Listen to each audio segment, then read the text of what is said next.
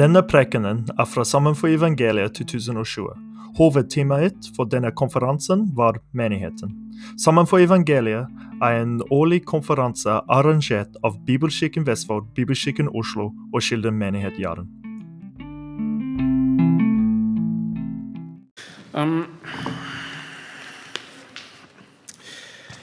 I 1944, oktober, så så Tyskland at eh, de holdt på å tape makten i Norge. Så det de gjorde, var å bestemme, de bestemte seg for å brenne og sprenge alt av bygninger og broer i eh, Finnmark og eh, Nord-Troms. Så de, det gjorde de. og... Norvald Nilsen, som var en mann som bodde i Billefjord i Finnmark, han ble også tvangsevakuert. Han prøvde å flykte til hytta, men de fant han, og så måtte han og familien dra sørover. Så, når um, de allierte endelig vant, så fikk alle disse tvangsevakuerte finnmarkingene flytte tilbake. Og det var litt av et prosjekt, fordi alt av bygninger, broer, infrastruktur hadde vært sprengt, hadde blitt ødelagt. Så han dro opp sommeren 1945. Familien kom etter noen måneder da han hadde satt opp et, eh, et provisorisk telt. Da han hadde begynt å, begynt å, bygge et hus, men han var langt fra ferdig. Så da familien kom opp, så hadde de ikke noe sted å være. Så, fikk, eh, så hele familien fikk sove hos noen som heldigvis hadde et hus som var ferdig. Det var ikke mange som hadde hus som var ferdig, så det, de få husene som sto ferdig da, de ble brukt av ganske mange, frem til de som bodde der da, fikk, eh, fikk bygge ferdig husene sine til sine familier. Norvold Nilsen sin eh, familie de eh, bodde da i et telt etter de hadde flyttet ut av huset. og ja, De hadde ikke noe brødkomfyr, men heldigvis var det én familie på bygda som hadde en brødkomfyr, som alle de andre familiene gikk inn til som et åpent hus og bakte brød. Familien Nilsen fikk tilbud om å få en ku fra Sverige, en hel ku. Men de hadde ikke noe fjøs å ha den i, for fjøset deres hadde blitt brent ned. Men heldigvis hadde Ole Pedersen en ledig plass i fjøset. Så de fikk ha kuen sin fra Sverige i fjøset til Ole Pedersen. De hadde ikke noe bad, og det var for kjølig for å bade ute. Slik er det visst i, i Finnmark.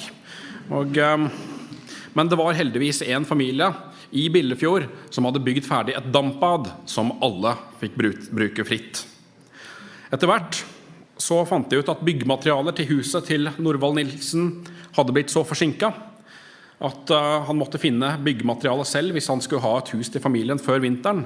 Så han måtte lempe bort 1000 sekker med tørket sement som uh, tyskerne hadde lagt oppå byggematerialet for at russerne ikke skulle bruke det. Men han fikk god hjelp fra hele bygda, og han fikk omsider bygd ferdig huset.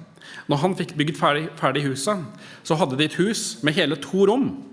Ett til familien hans de bodde i stua.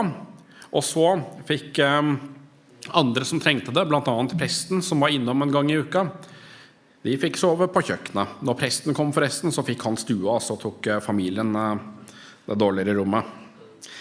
Og I begynnelsen fikk de mer enn de ga. Etter hvert så ga de mer enn de fikk. Og det var sånn det fungerte. Det er beskrevet som en, ja, som en familie. Som en organisme, en levende organisme, der alle hjalp hverandre der ingen var eh, interesserte bare i sitt eget, men så til hverandre. Og slik tenker vi jo at en menighet ideelt skal være. For vi har jo mye mer til felles enn det de hadde. De hadde en felles bygd å bygge opp igjen, men vi har også et rike å bygge. Dessuten er vi født av samme ånd, samme dåp. Vi har samme Gud som Herre og Frelser. Vi står på den samme sannheten. Vi har det samme håpet i Herren. Vi har den samme arven som vi ser frem til, den samme Gud som vi tilber, det samme målet og hensikten i livet. Vi har utrolig mye som forener oss som kristne. Så uansett hvor forente de virket i Billefjord, så forventer vi at Kirken skal være desto mer forent, desto mer en levende, velfungerende organisme det var en mann som het Richard Wormbrandt. Han uh, var en pastor under Sovjetunionen som ble arrestert for at han, at han, for at han forkynte for menigheten sin, for at han var pastor. Fordi det hadde han ikke lov å være. Og så ble han, så ble han fri, og så ble han arrestert igjen. og Slik gikk det, og etter hvert så, så, fant at, så fant kirken hans ut og noen andre pastorer at noen måtte til Vesten for å fortelle hva som skjedde med kristne under Sovjetunionen. Han dro til Vesten, han besøkte mange menigheter. Han fortalte om eh, forholdene under kommunismen for kristne og kristenforfølgelsen. Og det, det, han skriver i boka si, der han eh, skildrer det han tenkte da han besøkte de forskjellige menighetene, det er at da han så standen til kirken i Vesten, så hvordan de alle var enkeltmennesker som kom sammen på søndager, men ellers ikke delte livene med hverandre at det ikke fungerte som den familien det hadde gjort under forfølgelsen i Sovjetunionen. Så ønsket han seg tilbake til forfølgelsen. Så trist var det for han å se standen i kirken til Vesten, og så mye betydde denne familienfølelsen for ham. Og det er det jeg vil snakke om i dag. Som dere sikkert har sett, er um, fokuset i, i prekenen hvordan Kirken provoserer autonome nordmenn. Og vi skal se litt på forskjellen på menigheter med individer og en menighet som er en organisme. Før vi fortsetter, må jeg si hva autonomi er for noe. Det er ikke et ord vi bruker så mye. Det, er et ord som har med å være selvstendig og uavhengig, selvstyrt å gjøre. En autonom kirke i kirkehistorien er en som styrer seg selv i stor grad, og ikke er like styrt av biskopen som er over andre kirken, kirker. I politikken så er et autonomt område et område i et land som i stor grad styrer seg selv i større grad enn andre områder som er uavhengig, som er selvstendig. En automat, en automobil, det er en kjerre som kjører seg selv, som ikke er avhengig av en hest. Og det er fantastisk å være autonom, særlig for en nordmann. Å kunne støtte seg selv. At man kan se til andre og bruke andre når man har lyst på det. Men man klarer seg selv. Man er uavhengig. Vi har penger, vi har underholdning, vi har det vi trenger i oss selv. Vi har store hus, så vi kan isolere oss hvis vi vil. Vi kan si til våre egne sjeler nå har jeg mye godt liggende for mange år. Slå deg til ro, min sjel. Spis, drikk og vær glad. Så godt å være en autonom nordmann. Jeg møtte en misjonær mange år siden. Han var en autonom misjonær. Han hadde tjent så mye gjennom livet at han hadde masse penger liggende, så han trengte ikke støtte fra noen menighet. Så han dro på eget initiativ og misjonerte. For et fantastisk arbeid. Og jeg spurte han savner du ikke det å ha en menighet til å støtte deg og tilhøre og holde deg ansvarlig og oppdatere. Og han forklarte nei. En av de beste tingene med å kunne støtte seg selv, var å slippe sånt. Å kunne gjøre hva man ville. Dette var en autonom misjonær. Og som nordmenn så er vi i stor grad autonome. Og det er godt å være autonom og slippe det ansvaret og hele tiden være oppi andre og være avhengig av dem, og at de er avhengig av oss. Det trives vi godt med. Men det er ikke godt for alt å være autonomt. Hvis mitt høyre øye f.eks. skulle bli autonomt Da vil jeg fungere dårlig. Hvis man tar en enkelt maur ut av en maurtue, så har den få levedager igjen, selv om man gir den mat og vann og alt det den fysisk trenger. Maur er ikke ment å fungere isolert. Den mauren vil fortsette å gå rundt i plastboksen der man putter den, til den enten dør eller finner seg tilbake til tuen sin. Maur sin funksjon er som en del av tuen. Så vi forstår at det er visse ting, visse skapninger, som ikke er ment å være autonome. Så vi må finne ut hva er vi? Hvem er du? Vi må finne vår identitet for å finne vår funksjon og finne ut hvor autonome skal vi være I hvilken grad må vi gjøre opprør mot dette iboende ønsket om å være autonome, uavhengige, selvstendige? En Hvis søppelbøtten i et klasserom tar fyr, så ser man forskjell på reaksjonen til eleven og læreren. For læreren identifiserer seg som en lærer, en som er ansvarlig. Læreren vil gjøre det den kan for å begrense skaden, for å slukke brannen, mens en elev i den klassen vil sitte på bakerste puls og smile litt. Tidligere, når um, Erlend spurte om noen ville være med på barnemøte, da så falt det meg ikke inn at kanskje jeg ville være med på barnemøte. Fordi min identitet er ikke et barn. Min identitet definerer ikke, det er ikke bare hvem jeg er, det er min funksjon. Det er hva jeg gjør. Så hvis vi forstår mer om hvem vi er, så forstår vi mer om våre funksjon, og i hvilken grad det er meningen at vi skal være autonome. Og det er det vi skal snakke om i dag. Vi skal ta utgangspunkt i 1. Korinterbrev, kapittel 12, vers 21. Men før vi fortsetter, la oss be. Far, takk for at du har frelst oss. Takk for at vi får samles i dag for å lese ditt ord sammen. Jeg ber om at du vil eh, hjelpe oss å forstå ditt ord i dag. Hjelpe oss å forstå hvordan det angår oss. Hjelpe oss å anvende det. I Jesu navn. Amen. Første Korinterbrev, kapittel 12, vers 21. Og øyet kan ikke si til hånden, 'Jeg har ikke bruk for deg'. Hodet kan heller ikke si til føttene, 'Jeg har ikke bruk for dere'. Dette verset er det jeg skal snakke om i dag. Men for å forstå verset, bedre, så vil jeg lese det i sin kontekst. Jeg skal ikke snakke om hele konteksten, bare i den grad det er viktig for oss for å forstå verset. Så, jeg, um, så, så går vi tilbake og tråkker litt på føttene til Edvard med å lese versene som han leste for oss igjen. 1. Korinterbrev, kapittel 12, vers 12. For slik som kroppen er én og har mange lemmer, men alle de mange lemmene på den ene kroppen er én kropp, slik er det også med Kristus. For med én ånd ble vi alle døpt inn i én kropp, enten vi er jøder eller grekere, enten vi er slaver eller frie, og vi har alle fått én ånd å drikke. For kroppen er da ikke bare ett lem, men mange. Hvis foten skulle si, skulle si, fordi jeg ikke er en hånd, er jeg ikke en del av kroppen, er den da ikke en del av kroppen?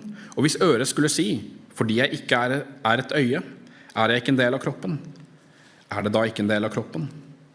Hvis hele kroppen var øye, hvor ville det da bli av hørselen? Hvis hele var hørsel, hvor ville det da bli, bli av luktesansen? Men nå har Gud satt lemmene, hvert enkelt av dem, på kroppen akkurat slik som han selv ville.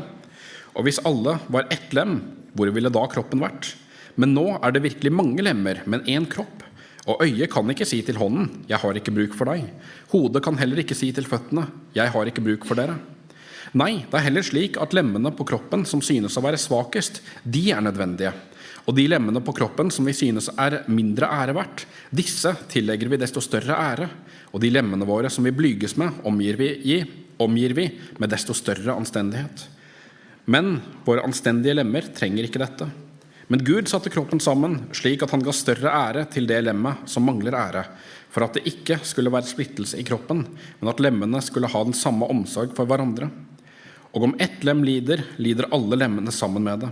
Eller om ett lem blir æret, gleder alle lemmene seg sammen med det. Nå er dere Kristis kropp, Kristi kropp, og hver for seg er dere lemmer på hans kropp. Vi skal først stille tre spørsmål til teksten. Så skal jeg svare på potensielle innsigelser til det jeg har sagt om denne teksten.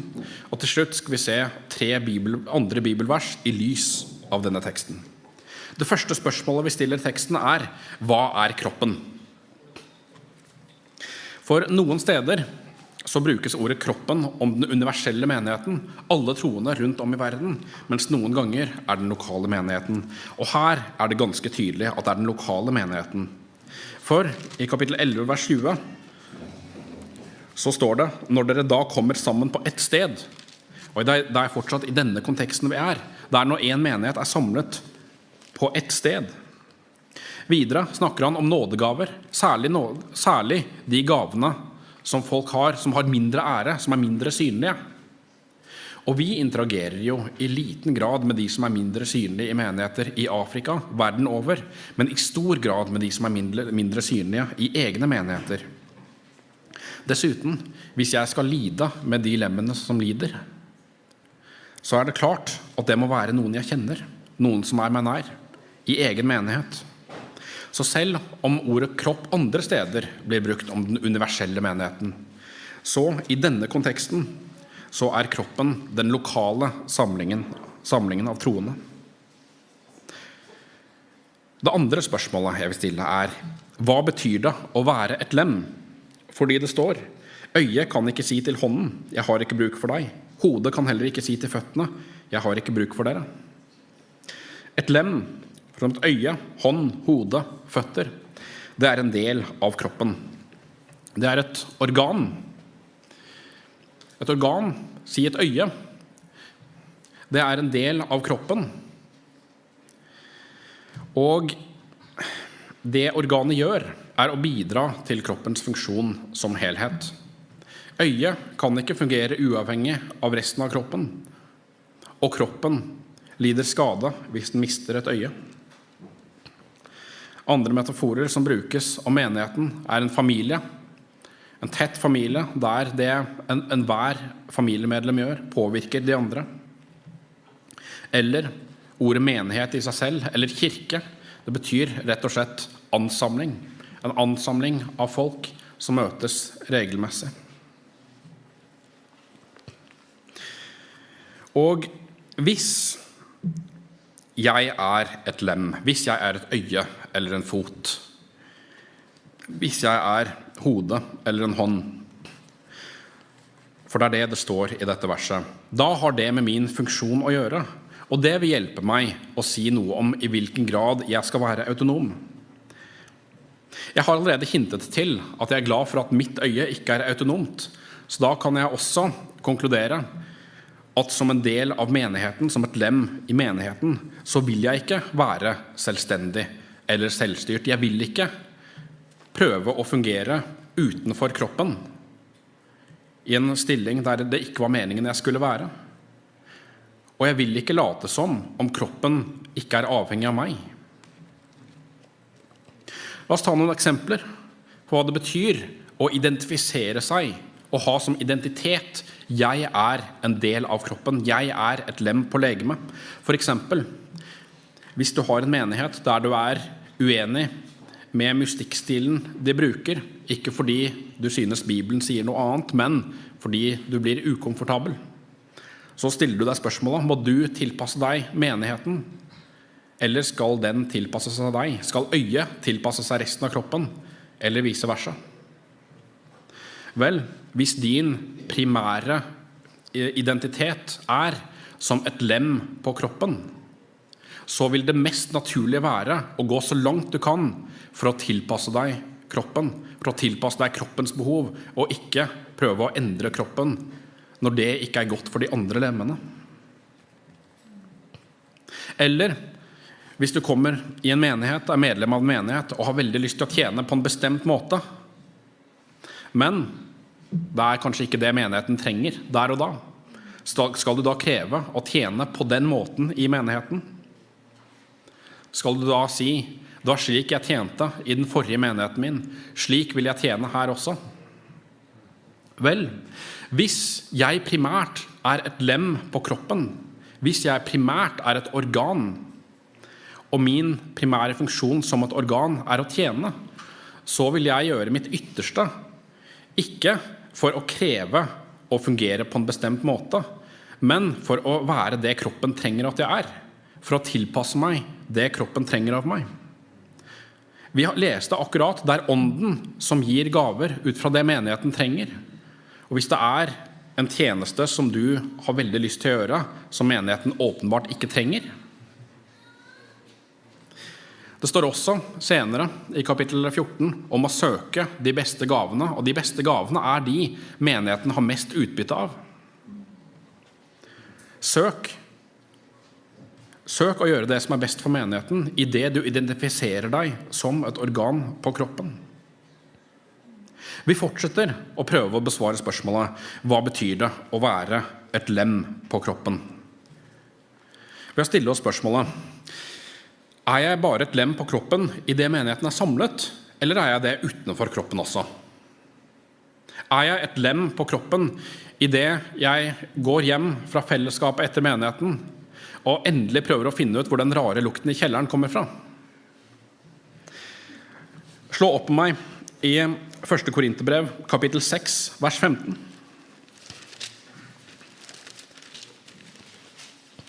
Første Korinterbrev, kapittel 6, vers 15. Og legg merke til hvor lemmet er. Vet dere ikke at, dere kropp, at deres kropper er Kristi lemmer? Skal jeg da ta Kristi lemmer og gjøre dem til en horkvinnes lemmer? På ingen måte. Det er tydelig ut fra dette verset at vi også er Kristi lemmer utenfor den samlede menighet. Idet jeg går hjem, så er jeg også et lem på menigheten. Så tilhører jeg menigheten like mye som når vi er samlet. Når jeg går hjem til kjelleren min og prøver å identifisere den lukten, så er jeg like fullt et lem på kroppen. Det betyr at når jeg er på jobben i lunsjpausen og blir fristet eller kanskje presset til og med, til å være med og baksnakke andre. For å vite hva jeg skal gjøre i den situasjonen, må jeg finne ut hvem er jeg, hva er min funksjon i denne situasjonen. Jo, jeg er et lem på kroppen. I denne situasjonen er jeg et lem på kroppen, som er den lokale menigheten. Jeg representerer den. Hvordan kan jeg best representere menigheten i den situasjonen? Vi vet alle hvor skadelig det kan være for, for, evangeliet når folk har opplevd at noen som kaller seg kristen, ikke oppfører seg som Kristus. Gandhi sa det. Han hadde vært kristen hvis ikke det hadde vært for kristne. Det er viktig at vi som et lem på kroppen i den situasjonen representerer menigheten på en god måte. Jeg har dessverre opplevd flere ganger at det er til hinder både for evangelisering, men også, enda tristere, at folk får noe mot min egen menighet pga. måten enkelte i menigheten har oppført seg, ting de har sagt eller gjort. Jeg blir overrasket hvis ikke det er tilfellet for enhver menighet, om man vet det eller ikke. Man kan gjøre utrolig mye skade, men man kan også gjøre utrolig mye godt. Fordi i det du går ut fra menigheten, og folk vet du tilhører menigheten, folk vet du er kristen, så går du i en uniform. Ser du noen i en militær uniform som oppfører seg uhøvlet, så reflekterer det Eller, eller så, vil det, så vil dine tanker om Forsvaret reflektere det. Man har flere studier med forsøkspersoner som viser akkurat dette. At hvis en person som er kledd på én måte, oppfører seg, på, oppfører seg uhøvlet, så vil forsøkspersonen dømme også andre som kler seg på samme måte, som går i samme drakt, samme uniform. Vi bærer menighetens uniform. Vi er en del av legemet også idet vi går hjem. Når jeg sitter hjemme på kvelden, når jeg vil slappe av, om det er YouTube eller bøker eller musikk jeg bruker til å slappe av, så er jeg også et medlem av menigheten, så er jeg også i min identitet, den jeg er, er et lem på kroppen, et organ på en større organisme. Spørsmålet er hvordan skal jeg som et lem på kroppen, en som har som min funksjon, min oppgave, å tjene kroppen og bidra til at kroppen fungerer på en best mulig måte, hvordan skal jeg gjøre det i den situasjonen? Er det virkelig å bruke den tiden på å slappe av Ofte er svaret ja. Ofte er det nødvendig for meg å slappe av, bruke tid med meg selv, med Gud, for å ha overskuddet, for å ha muligheten til å tjene menigheten på best mulig måte. At det er viktig for meg å få åtte timers søvn for å få mulighet til å formulere meg fornuftig i samtalen jeg skal ha i morgen. Men noen ganger så bruker vi også den tiden som om vi var autonome, selvstyrte, uavhengige. Som om folk ikke var avhengig av oss, og vi ikke var avhengig av dem. Som om vi var individer som ikke var en del av en større organisme. Det som er fantastisk med å bruke tid på å slappe av som en del av menigheten er, da er det en kjærlighetshandling. Da er det å sette meg ned på kvelden og se på YouTube en bevisst kjærlighetshandling for å tjene menigheten, som jeg gjør med ren samvittighet og med glede, fordi det er slik jeg slapper av og forbereder meg på gode gjerninger for menigheten, i bønn, i samtaler videre. Dette er for den autonome nordmannen ubehagelig. Det kjenner i hvert fall jeg på. Jeg kjenner i det jeg taler, at bjelkene i øyet mitt vokser og vokser. Men slik er det.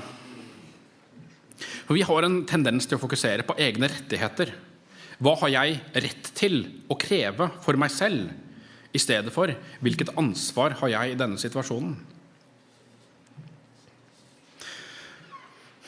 Paulus skriver for så vidt i eh, Romerbrevet, kapittel 13. Slå gjerne opp med meg. Romer, kapittel 13. Her skriver han om rettigheter og ansvar. Hva vi blir skyldt, og hva vi skylder.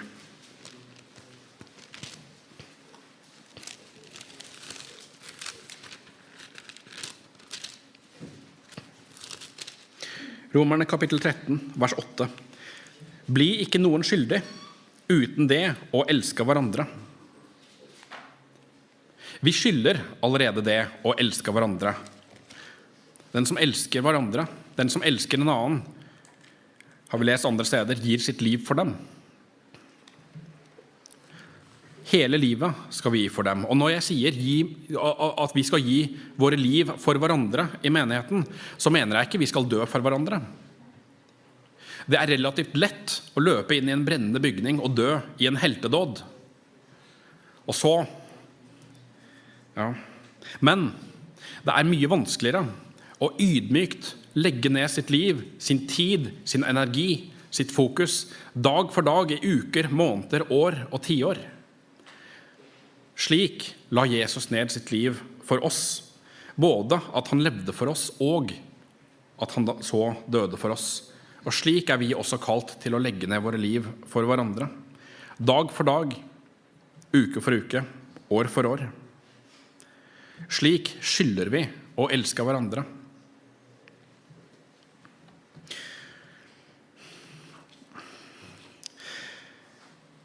Vi jeg, jeg, tror en av de tingene som påvirker oss som autonome nordmenn, det er bøker og filmer, TV-serier, historier som um, fremstiller autonomi, i mennesket som noe utelukkende positivt. Altså, det er så mange uh, historier, um, teaterstykker, filmer, som har ja, en type av denne handlingen. En helt eller en heltinne har en familie som vil de skal gifte seg med en person. Fordi det vil være godt for familien. Fordi at da får familien sine økonomiske behov dekket. Da får familien sine sosiale behov, sosiale behov dekket. Men helten eller heltinnen forelsker seg i noen andre og gifter seg med dem. Det er en helt. Det er en heltinne, den autonome nordmann, som ofrer det som er godt for familien, for det som er godt for seg selv. Det de selv ønsker og føler i øyeblikket. Den typen film Det er flere eksempler på at den typen film blir dårlig mottatt i andre deler av verden. Der folk tenker annerledes, der folk tenker på seg selv som en del av et kollektiv. Og er vanskelig for å forestille seg at denne hovedpersonen virkelig er en helt. Hvordan kan en helt gjøre noe sånt mot sin egen familie? Men vi, autonome nordmenn, vi liker det. Og ikke bare det, vi blir påvirket av det. Så når vi kommer i menigheten, så tenker vi på oss selv primært som individer, og ikke som en del av en organisme.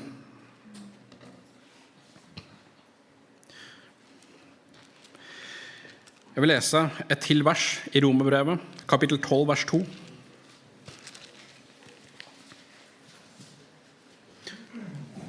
som en advarsel. Og bli ikke dannet lik denne verden, men bli forvandlet ved fornyelsen av deres sinn. Og det er det vi prøver i det vi leser Guds ord. i det vi forkynner, i det vi diskuterer med hverandre, og blir forvandlet ved fornyelsen av vår sinn, i det vi sammenligner. Vår autonome tankegang, vår intuisjon, vårt instinkt, som vi har fått nærmest med morsmelka, med det Bibelen har å si. Vi er ja, et par eksempler til på hva det er å være et lem, før vi går videre med spørsmål nummer tre. Hvis huset mitt brenner ned, hva vil jeg gjøre hvis jeg primært først og fremst identifiserer meg som et lem på menigheten? Vil det påvirke meg i like stor grad som hvis jeg først og fremst tenker på meg selv som autonom, selvstyrt, avhengig av de ressursene jeg har opparbeidet meg? Vel, så lenge den husbrannen ikke går utover menigheten, så sier vi, sier vi med Charles Wesley det var Guds hus som brant. En ting mindre for meg å bekymre meg over. Men når det kommer til noen som skader menigheten, da tar vi det mye mer på alvor enn våre egne eiendeler, våre egne kropper, våre egne hus. Da vil vi virkelig skjønne alvoret som Gud legger i det, legger i det å skade hans menighet. Hvis vi identifiserer oss primært som et lem på kroppen, som et organ, som et medlem av et kollektiv. Det er en fantastisk glede i å gjøre det, men det er mye man må legge fra seg som autonom nordmann for å komme dit. Jeg sa jeg skulle stille tre spørsmål av denne teksten før jeg fortsatte. Og det tredje spørsmålet jeg vil stille, er hva betyr det å trenge eller, eller ha bruk for? For vi leste i 1. Um, Korinterbrev 12, 21. Øyet kan ikke si til hånden 'Jeg har ikke bruk for deg'. Hodet kan heller ikke si til føttene 'Jeg har ikke bruk for dere'. Vel, ordet 'å ha bruk for', eller kanskje bedre oversatt 'å trenge', brukes om helse, om helbredelse. Det brukes om mat. At fattige, sultne folk, de trenger mat. Det er noe man klarer seg dårlig uten noe som er viktig for en organisme. Og her står det vi trenger hverandre. Det ene organet trenger det andre organet. Og det betyr jeg trenger deg, og du trenger meg. Vi er ikke bare nyttige for hverandre. Det er ikke slik at menigheten og de andre i menigheten er nyttige for min åndelige vekst. De er nødvendige for at jeg skal fungere slik jeg er skapt i Kristus til å fungere. Kroppen er ikke nyttig for øyet. Kroppen er nødvendig for at øyet skal fungere slik det skal. Vi trenger hverandre. Og Spørsmålet er oppfører vi oss som om vi trenger hverandre. Oppfører den autonome nordmenn seg som om øyet trenger kroppen, og kroppen trenger øyet? Oppfører øyet seg som om det trenger kroppen? Det vil si, ber du folk i menigheten og menigheten som helhet om bønn? Inviterer du dem på middag? Tar du dem med i din åndelige vekst? Ber du om hjelp når du trenger det? Er du åpen med menigheten, med folk i menigheten, om hvor du er, og hvordan de kan hjelpe deg. Ber du om visdom, om irettesettelse, om oppmuntring når du trenger det? Jeg synes det er vanskelig, den tanken på at jeg trenger dem. Men det som er enda vanskeligere, det som er enda verre for den autonome nordmann, det er at de trenger meg. For hvis de trenger meg, så er jeg nærmest tvunget til å bli en større del og knytte meg nærmere til den menigheten som jeg bekjenner som min. For da er jeg nødt til å bli så godt kjent med folk at, de, at jeg ser hva de trenger.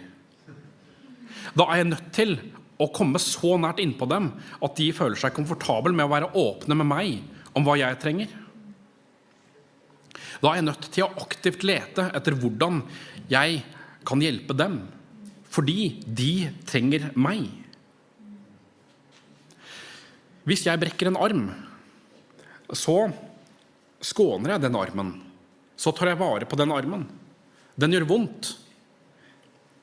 Men resten av organismen, resten av kroppen min, vil ta vare på den. Den armen vil hemme meg i mine aktiviteter en kort stund. Men den vil bli helbredet mye fortere hvis resten av organismen tar hensyn til den. Slik er det også med oss. Slik er det også med meg, og slik er det også med deg. At jeg må se etter brukkede armer, og dere må se om armen min er brukket.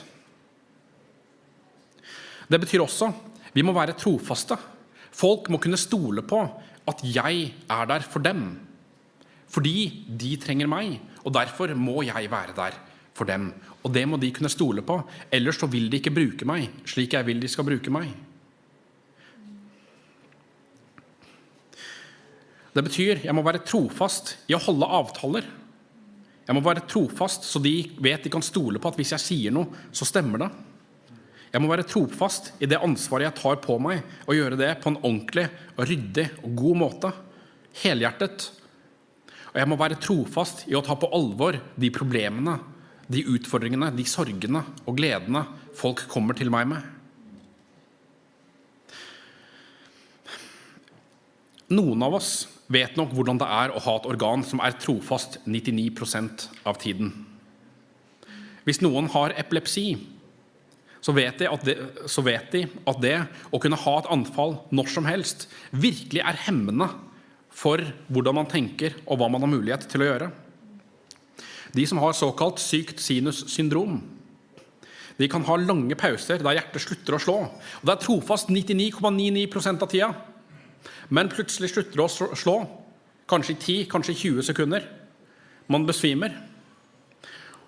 Og da enten så får man pacemaker, eller så, så blir man begravet i løpet av kort tid. En liten mangel på trofasthet kan gjøre stor skade, særlig hvis jeg mangler trofasthet akkurat i det øyeblikket folk trenger meg mest.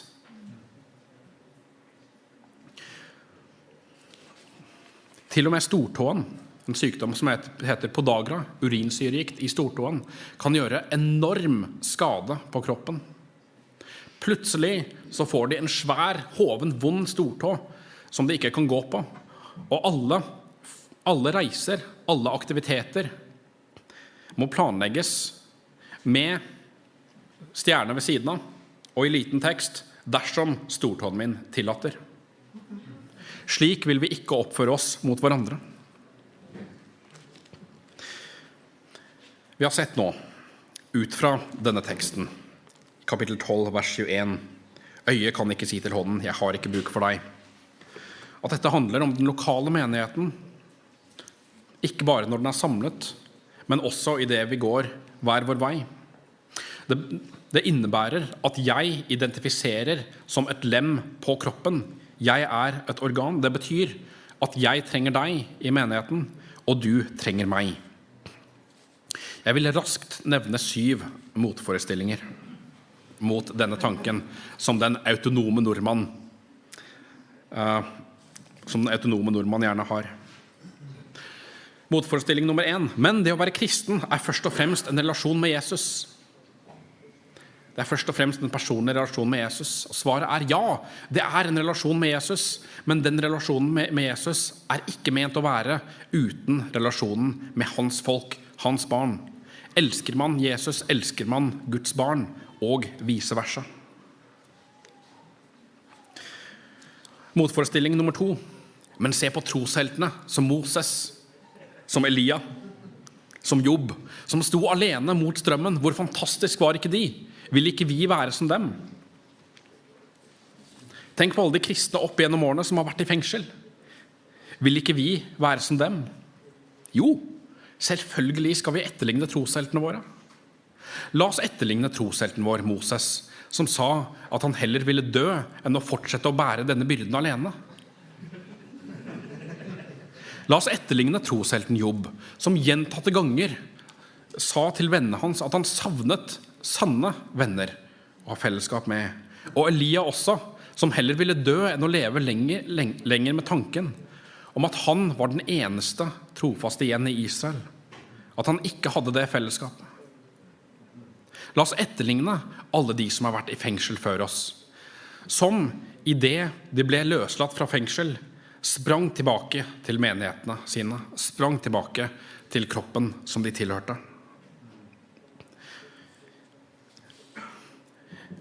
Jeg vil ikke frivillig amputere en kroppsdel. Jeg vil gjøre det kun dersom det er nødvendig for at jeg skal overleve. Kun dersom det er strengt nødvendig. Og til og med da vil jeg ha motforestillinger. Vi vil ikke frivillig være uten denne tilknytningen til menigheten. Denne nære relasjonen. Motforestilling nummer tre. Men det er ikke bra at jeg gjør meg avhengig av folk med så store feil og mangler. Vel, du trenger ikke se lenger enn til deg selv for å se at det allerede er tilfellet. Å gro fast i menigheten styrker de feilene og manglene som du har, og hjelper deg å styrke andres. Gud har sagt det er slik det skal være. Motforestilling nummer fire. Da må jeg være veldig forsiktig i å finne rett menighet. Og det er sant. Du må være veldig forsiktig i å finne rett menighet. Men du må også være veldig forsiktig, så du ikke bruker for lang tid på å gjøre det. Fordi jo lenger øyet går uten kroppen, jo mer taper det.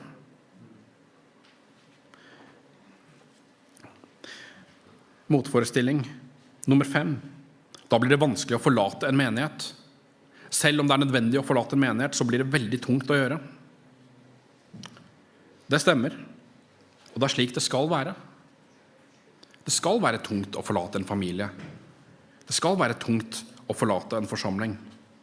Men dette prinsippet kan kanskje hjelpe oss å si noe om når, når en burde forlate en menighet også. For hvis min funksjon i menigheten er som et organ, som et lem på kroppen, som skal styrke organismen, som skal styrke og oppmuntre de andre Hvis jeg ikke lenger kan fungere som et organ på den måten, hvis jeg ikke lenger er til noe nytte for menigheten, til å styrke og oppmuntre den Jeg har gjort alt jeg kan, har gått så langt jeg kan. Men det ikke har nyttet. Da kan det være rett å tenke på burde jeg finne en annen menighet der jeg kan oppfylle min funksjon. Motforestilling nummer seks. Vel, hva da med misjonærer? Misjonærer sendes jo ut, og de har ofte ikke noen menighet der de ender. Vel, de sendes jo ut fra en menighet som de tilhører. I Bibelen så var det nemlig ikke slik at 20 forskjellige menigheter støttet én misjonær, og hver av de menighetene støttet 20 andre misjonærer. I Bibelen, som eh, pastor Bob eh, forklarte for oss innledningsvis, ble Paulus, som tilhørte en menighet, sendt ut fra den. Han sluttet ikke å tilhøre den menigheten bare fordi han dro for å forkynne evangeliet et annet sted. Og det er det som er det bibelske mønsteret. Ikke som denne autonome misjonæren jeg forklarte om til å, begynne, til å begynne med, men en som tar med seg tilhørigheten til menigheten, tar med seg deres forbønn, deres oppmuntring, det at de holder han til ansvar.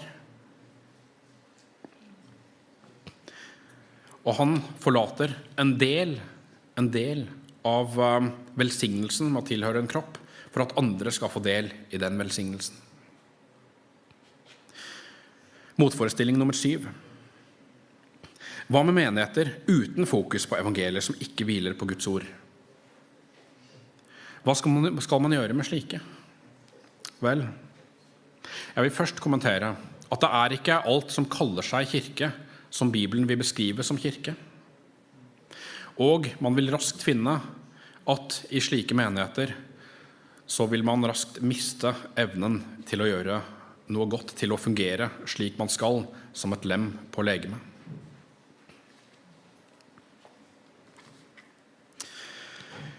Før vi fortsetter med å se tre bibelvers i lys av disse sannhetene, så vil jeg lese dette verset igjen. Og øyet kan ikke si til hånden, 'Jeg har ikke bruk for deg'. Hodet kan ikke si til føttene, 'Jeg har ikke bruk for dere'. Og i disse bibelversene vi skal lese, så vil vi se disse sannhetene igjen. Vi er Den vi er, er lemmer på kroppen. Og Jeg trenger dem, og de trenger meg. La oss med det i mente slå opp i Hebreerbrevet kapittel 10. Hebreerbrevet kapittel 10, vers 24. Og vi leser dette nå i lys av sannhetene vi har snakket om.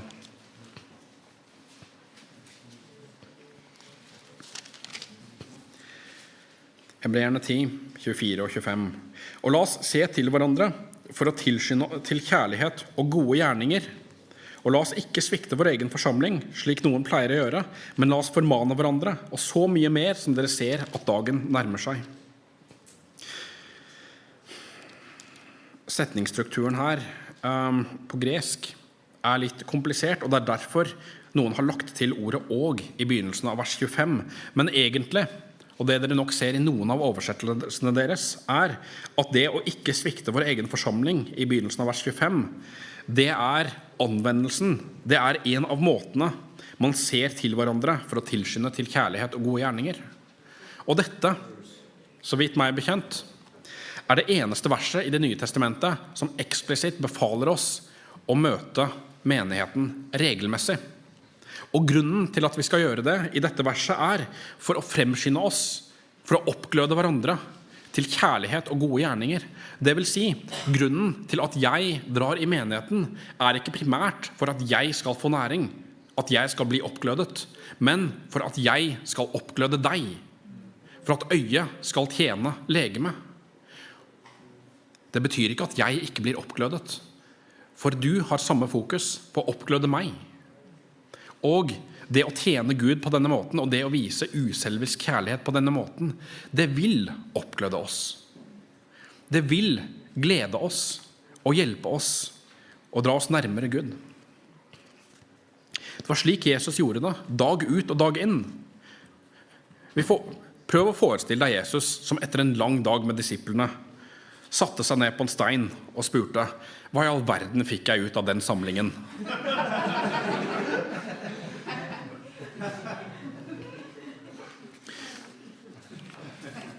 For hver gang vi tenker 'hva fikk jeg ut av det', så må vi minst to ganger tenke 'hvordan bidro jeg til at andre fikk noe ut av det'? Vi må, vi, vi må ikke forvente at andre nødvendigvis blir interessert i våre interesser og har fellesskap på mine premisser. Om det er fotball, eller politikk eller brettspill eller hva det nå skulle være. Det kan være fantastiske måter å bygge fellesskapet, alt sammen. Men hvis noen andre er interessert i noe annet, så skal ikke jeg kreve at de kommer til meg på mine premisser. Dette gjelder lovsang når vi samles. Det står, Jeg siterer fra Efeserbrevet, kapittel 5. Tal til hverandre med salmer og lovsanger og åndelige viser idet dere synger og spiller i deres hjerter for Herren. Et fantastisk vers om hvordan vi skal lovsynge. Og legg merke til hvem vi synger for. Vi taler ikke til våre egne hjerter. Vi sier ikke til vår egen sjel. Vi taler til hverandre med salmer og lovsanger og åndelige viser. Det er slik vi oppmuntrer hverandre. Det er det vi gjør i menigheten. Og det er det som gjør at det er noe eget å komme sammen som menighet og lovsynge sammen. For når jeg synger, f.eks.: Han tek ikke glansen av livet, den frelser som kaller på deg. Jeg synger til deg. Eller som man burde uttale det deg. Du blir oppmuntret av at jeg synger det. Jeg blir oppmuntret av at du synger det. Vi synger det sammen. Og det gir sangen en egen glans, en egen styrke. Det er ikke det samme når jeg går gatelangs og synger den til meg selv. Jeg gjør det også, for jeg liker sangen veldig godt. Men det blir fortsatt ikke det samme. Hva da med nattverd, som vi også feirer idet vi kommer sammen? La oss lese noen av versene om nattverd fra 1. Korinterbrev, kapittel 11. Vi leser i 1. Korinterbrev, kapittel 11, og um, her begynner vi i vers 22. Nei, beklager, vers 27. 1. Korinterbrev 11, 27. Derfor skal hver den som eter dette brød og drikker dette Herrens beger uverdig, være skyldig i Herrens kropp og blod. Men hvert menneske må prøve seg selv, og så kan han ete av brødet og drikke av begeret. For hver den som eter og drikker uverdig, eter og drikker dom over seg selv, fordi han ikke akter på Herrens kropp. Av den grunn er det mange svake og syke blant dere, og mange har nok sovnet inn. For hadde vi dømt oss selv, ville vi ikke selv blitt dømt. Men når vi blir dømt, tuktes vi av Herren, slik at vi ikke, fordømt, ikke skal bli fordømt sammen med verden. Derfor, mine brødre, skal dere vente på hverandre når dere kommer sammen for å ete. Men om noen er sulten, skal han spise hjemme, så dere ikke kommer sammen til dom. Han har beskrevet tidligere at når de kommer sammen, så er det en som drikker seg full. En har spist masse mat og ikke delt med noen andre. Noen kommer og er sultne. De ser bare til seg selv. Og grunnen til denne dommen, grunnen til at de dømmes, at noen har blitt syke, og andre har dødd fordi de tar nattverdsmåltidet på uverdig vis. Det er akkurat dette at de ikke akter på kroppen, på Herrens kropp. Og hva er Herrens kropp? Det er ikke brødet vi spiser. Herrens kropp i denne konteksten er menigheten. Det er derfor, fordi noen ikke viser kjærlighet til menigheten i det de deltar i fellesskapet, i fellesskapsmåltidet, nattverdsmåltidet. Derfor er noen dømt til å bli syke, og noen har Gud drept. Så alvorlig tar han det. Derfor, sier han i vers 23, skal dere vente på hverandre når dere kommer sammen for å ete. Derfor, vis kjærlighet. Se til hverandres behov. Vent på hverandre, la andre forsyne seg først. Både i lovsang, i nattverdsmåltidet, har vi sett dette prinsippet igjen. At jeg er en del av legemet. Jeg er et lem på kroppen. Jeg skal sette kroppen foran meg selv. Jeg er her for dem, og de er her for meg. Når vi kommer sammen, når vi samles på søndager, så, og når jeg kommer for å oppgløde for å oppgløde deg til kjærlighet og gode gjerninger. Så må jeg spørre meg selv har jeg lagt meg tidlig nok lørdag kveld til å være våken på søndag til å gjøre det. Og dette begynner å bli veldig praktisk. Og si bare fra når denne bjelken i øyet mitt obstruerer. Eh. Har jeg forberedt hjertet mitt i bønn på denne samlingen? Har jeg forberedt hjertet mitt på å tjene andre? Har jeg grunnet på hvordan jeg best kan tjene de andre i menigheten, de andre lemmene. Hvordan jeg best kan tjene eh, kroppen. Har jeg planlagt morgenen slik at jeg kommer tidsnok til forsamlingen? Slik Og kan jeg bli en god stund etter gudstjenesten for å være til trøst og oppmuntring for andre? Er jeg forberedt på å ta imot Guds sannheter gjennom prekenen, gjennom nattverden, gjennom lovsangen, gjennom vitnesbyrdene, slik at jeg kan oppgløde andre i de samme sannhetene? Hvordan kan jeg styre samtalene på en god måte, slik at det ikke bare blir de samme type samtalene som man kan ha på jobben, om sport og politikk og nyheter, men dypere samtaler som faktisk gagner, som faktisk tjener kroppen og hjelper de andre lemmene å vokse nærmere Gud? Er jeg like åpen med dem som jeg vil at de skal være med meg? Hva kan jeg gjøre for å bli bedre kjent med dem? Sier jeg fra når jeg trenger oppmuntring, slik jeg vil de skal si fra til meg? De samme prinsippene gjelder selvfølgelig hvis du tjener i kirken. Ta f.eks. barnearbeidet. Du er med å passe barna under gudstjenesten. Du er der som et lem på kroppen, som noen som er trengt i menigheten. Og spørsmålene du stiller som et lem på kroppen, som et organ i en større organisme som skal tjene organismen, er hvordan kan jeg best tjene barna, eller foreldrene, eller menigheten som helhet i dette? Kan jeg la være å be for barna hele uka og forvente å ha et hjerte for dem på søndag? Kan jeg la være å tenke på hvordan jeg skal vise dem Kristus, og forvente at en tanke om hvordan jeg skal gjøre det, spontant dukker opp når jeg trenger det? Dette er ikke en tjeneste å ta lett på. For denne tjenesten, i likhet med mange andre tjenester, er en av de mest direkte måtene vi tjener kroppen. En av de mest direkte måtene vi tjener på. Er du nyfrelst? Så spør hvordan kan menigheten hjelpe meg å vokse, slik at jeg raskest mulig kan bli til størst mulig trøst og oppmuntring og formaning for menigheten? Hvordan kan jeg raskest mulig bli et modent organ som kan tjene på best mulig måte? Hvordan kan menigheten hjelpe meg med det? Eller har du vært i kirken lenge, så spør. Er det noen av de tingene jeg gjør, som jeg gjør halvhjertet? Har jeg mistet min første kjærlighet? Gjør jeg det med iver, genuint for Gud, for menigheten med kjærlighet, eller gjør jeg det som en baktanke, bare for å få det overstått, som egentlig vil være en bjørnetjeneste for menigheten? Alt dette gjør det mer krevende å komme i menigheten på en måte. Men på en annen måte så gjør det det mye mer gledelig. For det er slik vi er skapt til å fungere. Albuen min er skapt for å bøye seg den veien.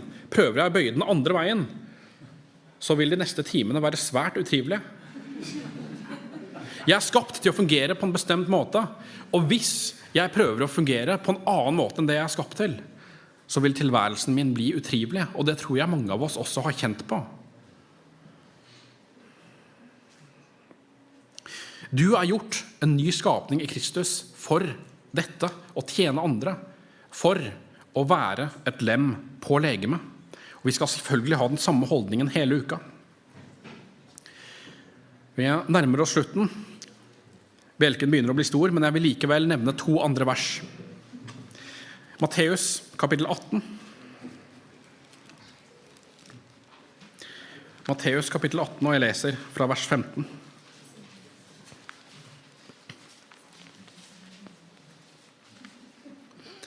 Matteus 18, 15. Hvis din bror synder mot deg Og jeg stopper der. For i noen av biblene deres så har dere ikke denne frasen 'mot deg'. Og slik er det også i de eldste og beste manuskriptene, at 'mot deg' er ikke med. Men betydningen er ikke i stor grad endret. For en synd mot menigheten er en synd mot alle i menigheten. Uansett, vi fortsetter. Hvis din bror synder mot deg, gå da og irettesett ham som en sak bare mellom deg og ham. Hvis han hører på deg, har du vunnet din bror. Men dersom han ikke vil høre, skal du ta med en eller to til. For med utsagn fra to eller tre vitner skal hvert ord stå fast. Og hvis han nekter å høre på dem, så si det til menigheten. Men hvis han til og med nekter å høre på menigheten, skal han da være en som en hedning og toller for deg. Det å irettesette hverandre, det er ikke noe vi gjør ofte. Vi er mye flinkere til å være bitre og baksnakke hverandre enn til å irettesette hverandre. Dette er hardt for en autonom nordmann, nordmann å være så direkte med noen. Det er ubehagelig, men samtidig, hvis gjort på en god måte, vil det være en enorm glede både for deg og den du irettesetter. For tenk om jeg sa til deg du, nå har jeg kjent deg ganske godt i fem år, og de siste fem årene så har jeg lagt merke til en talemåte som du har provosert ganske mange med. Dere ser hvor jeg vil. Altså, altså, da, da, vil dere sparke meg i leggen og si hvorfor i all verden sa, sa, du ikke dette til meg fem år siden? Hvorfor i all verden har du latt meg gå rundt og såre brødrene og søstrene mine i fem år? Det er en velsignelse å irettesette noen når de trenger det. Og kanskje det betyr at vi må være flinkere og gi komplimenter og oppmuntring til hverandre, slik at når vi skal ta opp noe ved deres karakter, så er ikke irettesettelse 90% av det de hører. Noen tenker kanskje at det er en menighetsleders oppgave, men vi leste i Matteus 18 hvis din bror synder, så ta det opp med han på tomannshånd. Det er enhvers oppgave Galaterne kapittel 6 vers 1. Søsken, hvis et menneske blir grepet i en overtredelse, skal dere som er åndelig, vise en slik, vise en slik til rette med ydmyk hånd. Jakob kapittel 5 vers 19 og 20. Søsken, hvis noen blant dere har fart vill fra sannheten, og noen omvender han, skal han vite at, en, at den som omvender en synder fra hans villfarelses vei, han frelser en sjel fra døden og dekker over en mengde synder. Det er en velsignelse å bli irettesatt. Det er en velsignelse å være den velsignelsen for andre og irettesette dem. Og det er alles oppgave. Menigheten i Teatira, i Åpenbaringen kapittel 2, hele menigheten blir refset fordi de tillot at denne falske profetinnen fortsatte. Hele korintermenigheten ble irettesatt fordi de tillot at denne synderen som eh, hadde hatt samleie med sin, eh, sin fars hustru, fortsatte å leve i synd. Hele menigheten. Det er alles ansvar. Én synd gjør, kan gjøre stor skade. Og enhver som synder, synder ikke bare mot seg selv og mot Gud, men mot menigheten. Fordi du er et lem på menigheten. Og hvis du med vilje utsetter din del av uh, kroppen, en hånd eller et øye, for skade, så skader du menigheten.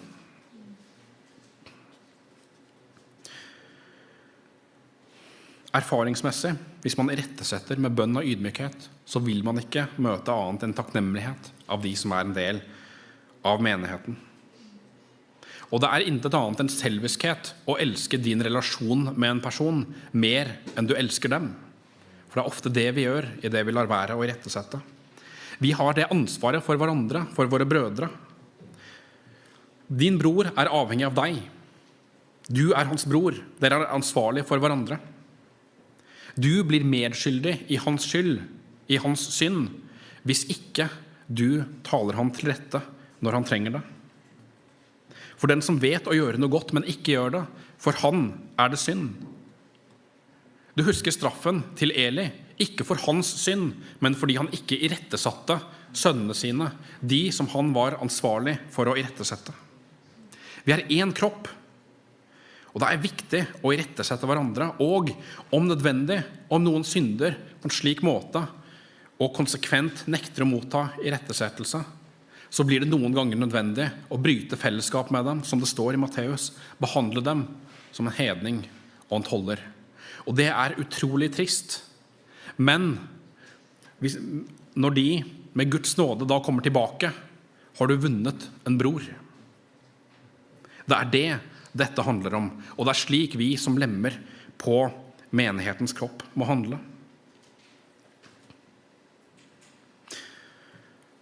Det siste verset jeg skal, eh, jeg skal relatere denne sannheten til, er Romerne kapittel 12, vers 18. Romerbrevet kapittel 12, vers 18.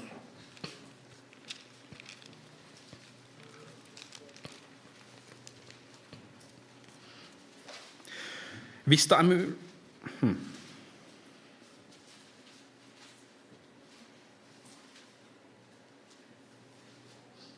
Beklager, vers 15. Romerne 12, 15. Gled dere med den som gleder seg, og gråt med den som gråter. Og Vi leste noe lignende i 1. Korinterbrev, kapittel 12. Om ett lem lider, lider alle lemmene sammen med det. Eller om ett lem blir æret, gleder alle lemmene seg sammen med det. Vi skal være så nært knyttet til hverandre at jeg har en genuin og dyp glede over din glede og en genuin og dyp sorg over din sorg. Hvor godt må du kjenne noen da? Hvor mange ganger må du invitere dem på middag for at det skal være tilfellet? Sørger du med de som sørger, like intenst som de sørger? Kan de stole på at når du tar T-banen hjem fra kirken etter gudstjenesten, etter fellesskapet, at du fortsatt sørger like mye som de sørger med sin sorg. At du vil be like iherdig for deres sorg som om det var din egen.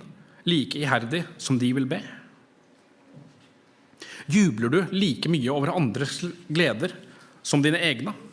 Hvordan kan du bli så godt kjent med noen? Det er selvfølgelig vondt å kjenne andres sorg, kjenne andres sorg på den måten. Men det å være bedrøvet sammen, det er eh, mindre trist enn å være bedrøvet alene. Og det å glede seg sammen er en større glede enn det å glede seg alene. Det er selvfølgelig skummelt for den autonome nordmann å bli så tett knyttet til noen andre. Å bli så tett knyttet til et fellesskap. Jesus i sin eh, bønn i Johannes 17 skriver noe om hvor tett vi skal være knyttet sammen. Jeg ber om at de alle må være ett, slik som du, far, er i meg og jeg i deg, at også de må være ett i oss, for at verden skal tro at du har utsendt meg. Vi skal være ett, slik treenigheten er ett. Å tenke jeg vil kjenne noen godt nok til å være lei meg, dypt bedrøvet på deres vegne. Det som er enda vanskeligere for meg, det er å tenke jeg må dele mine sorger på en slik måte at andre kan være bedrøvet med meg. For intuitivt så har vi lyst å skåne andre fra våre sorger. Vi har ikke lyst å dele sorgene og svakhetene våre på den måten. Men det er slik menigheten skal fungere. Og vi må huske det er en velsignelse for andre å få dele våre sorger med oss. Og hvis ikke vi deler sorgene våre med andre på den måten, så kan vi heller ikke forvente at de deler dem med oss. Vi er en del av kroppen. Jeg trenger deg.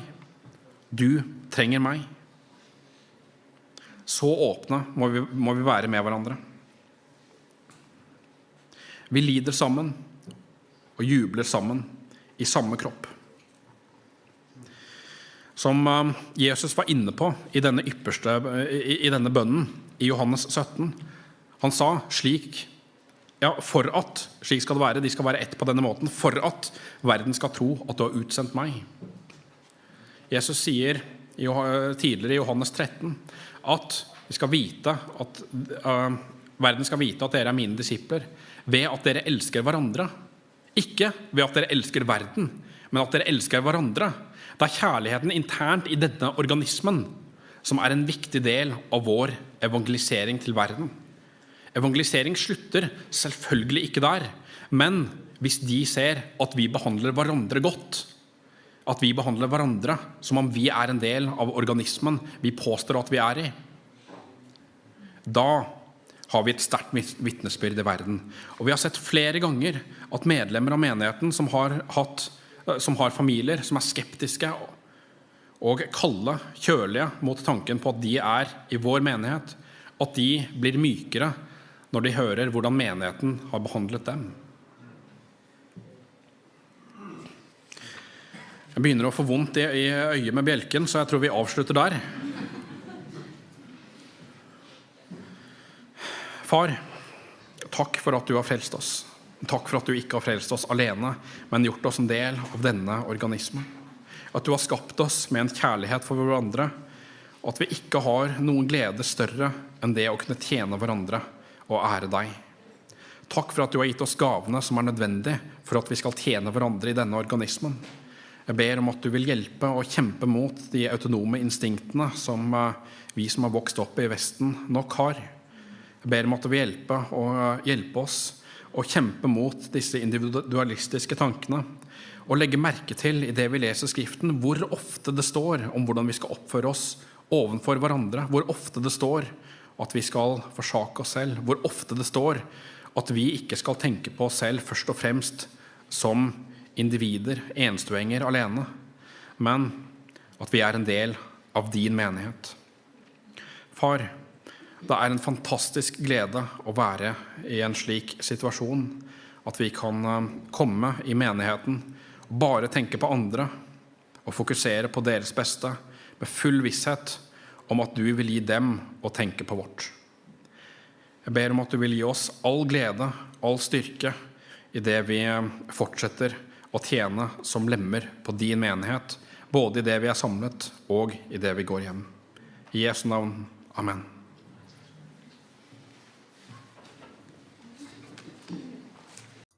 Takk for at du hørte på denne prekenen. Ønsker du mer informasjon, besøk sammenforevangeliet.no eller vår Facebook-side.